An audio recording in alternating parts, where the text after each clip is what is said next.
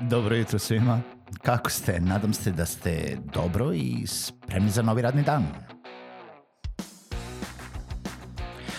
Pozdrav svima i dobrodošli na podcast Male pobede, stari novi podcast koji, well, koji je tu da bi vam kroz pitanje i savete dao motivaciju, pokrenuo vas u pozitivnom smeru i pomogao da ovaj dan počne bolje, jače i možda čak i zabavnije. Moje ime je Željko Crnjaković.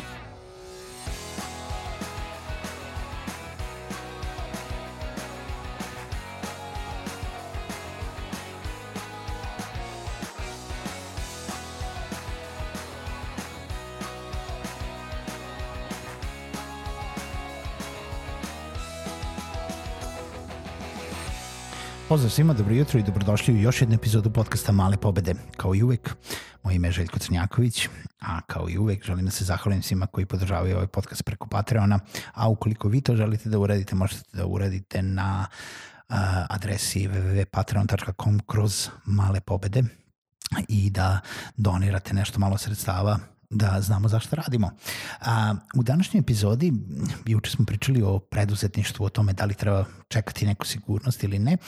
E sada, da nastavimo priču o tome. Mnogo puta slušamo uh, priče o tome koliko je bitan biznis plan, uh, da treba imati biznis plan, ponekad treba imati biznis plan uopšte da bi otišli ispred nekog investitora ili tražili neke kredite ili uh, dobili neka druga sredstva iz, uh, iz bilo kojih uh, fondova, ali biznis plan treba imati zbog sebe.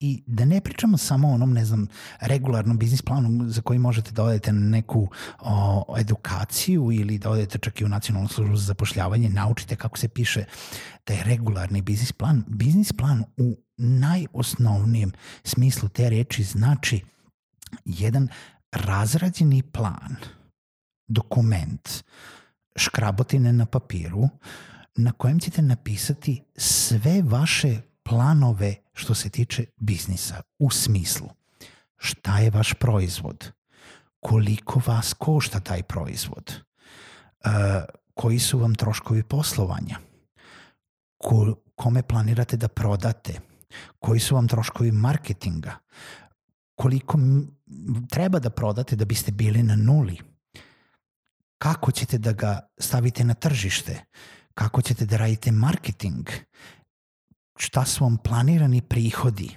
I u kom momentu ćete ostvariti profit, koliko dugo treba da radite u minusu, koliko vam treba kapitala u, u da, početnog ulaganja, e, da li vam treba kancelarija, da li vam treba mobilni telefon, da li vam treba računar, da li vam treba štampač, da li vam treba neka proizvodni proces, da li vam treba prototip, da li vam treba ju rešenja, dokumentacije, šta god uh, i onda vidite šta vam sve treba i šta treba da uradite i koji su vam ciljevi da bi vam bilo nešto dobro.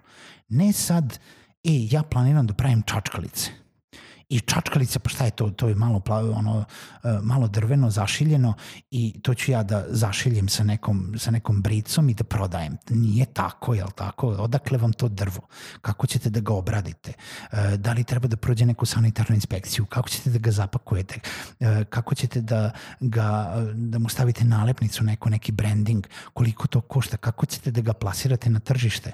Jel da šta ćete sa 5 miliona čačkalica kod vas u podrumu?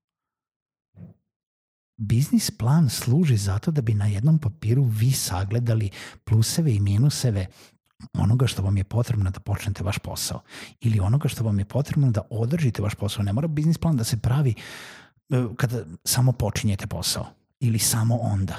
Biznis plan možete da pravite kada razvijate novi proizvod, kada razvijate novu uslugu, kada krenete da se širite. Vi svaki put pravite neki pod navodnicima biznis plan.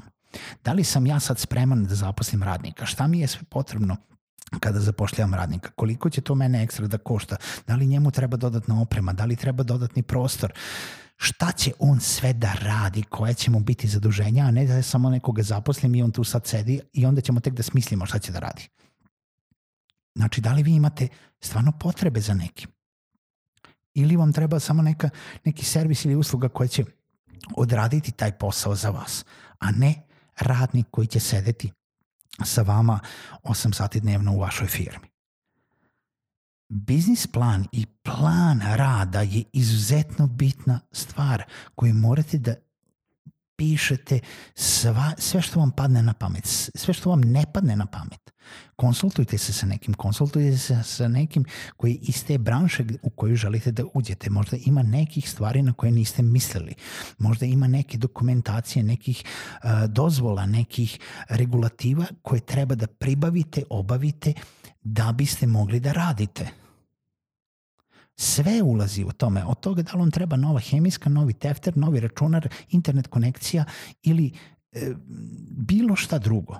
Znači da nudite najobičniju uslugu, da nudite, um, ne znam, privatne časove engleskog preko Skype-a. Šta vam treba? Treba vam prostor u kojem ćete da radite, treba vam računar, treba vam dobar, dobre slušalice i mikrofon, treba vam stabilna internet konekcija – treba način na koji ćete vi da dolazite do vaših klijenata. Treba vam plan i program rada. Treba vam plan i program rada koji je drugačiji od onoga, možda, možda ste bili predavač u nekoj školi, na primjer engleskog jezika. Drugačije je o tome kada radite na Skype-u. Kako ćete vi vaše uh, učbenike, uh, radne zadatke, sveske da podelite sa vašim tamo nekim Skype učenikom? Šta ćete da mu pošaljete? Je li to u PDF-u? Je li to skenirano? Je li to slikano mobilnim telefonom? Da li on može tamo nešto da upiše ili mora da odštampa? Kako ćete vi to da uradite? Da li imate kameru? Da li imate iza sebe belu tablu? Da li ćete samo da podelite ekran i da šerujete vaš ekran pa da crtate direktno na, na računaru u Paintu? Ne znam, nije ni bitno, ima milion opcija i svaku od tih opcija treba dobro osmisliti kao što osmišljavate bilo koju drugu uslugu ili proizvod. Nije dosta samo kazati ja znam engleski pa ću da dajem časove preko, preko interneta. Trebate biti spremni. Jel da, kao i svaki drugi, recimo, hoćete da držite, uh, hoćete da držite edukaciju pre nego što vidite da li te možete da prodate edukaciju, treba da znate šta ćete da pričate. Treba da spremite taj materijal. Treba da znate kolika ta edukacija traje, je to sat vremena, dva sata seminar, tri dana, pet dana radionica, da li imate materijala. Šta ćete vi da radite sa tim ljudima? Kako ćete vi to da prodate, naplatite i pričate. I sve je to mnogo lakše kada se krene u, u jel da, posao i kada već imate iskustva i onda već izlačite ideje iz iskustva. Ali biznis plan i konsultacije sa nekim koji je blizak tom, tom neko, toj nekoj niši tržištu gde želite da odete i postavite svoj posao i uslugu i, i proizvod je od presudne važnosti da li ćete vi moći da opstanete ili ne za sebe.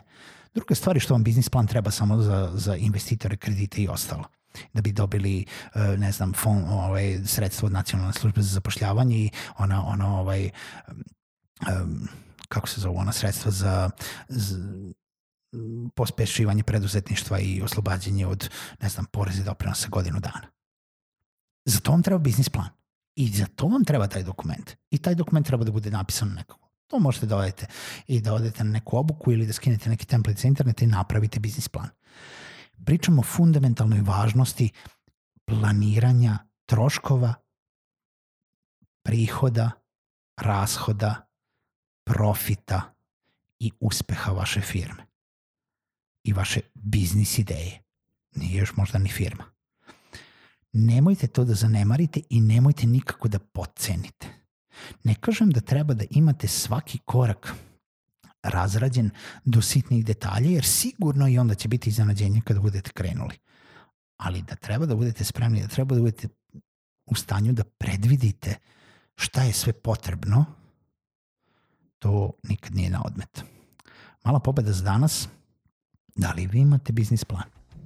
Čujemo se u narednoj epizodi.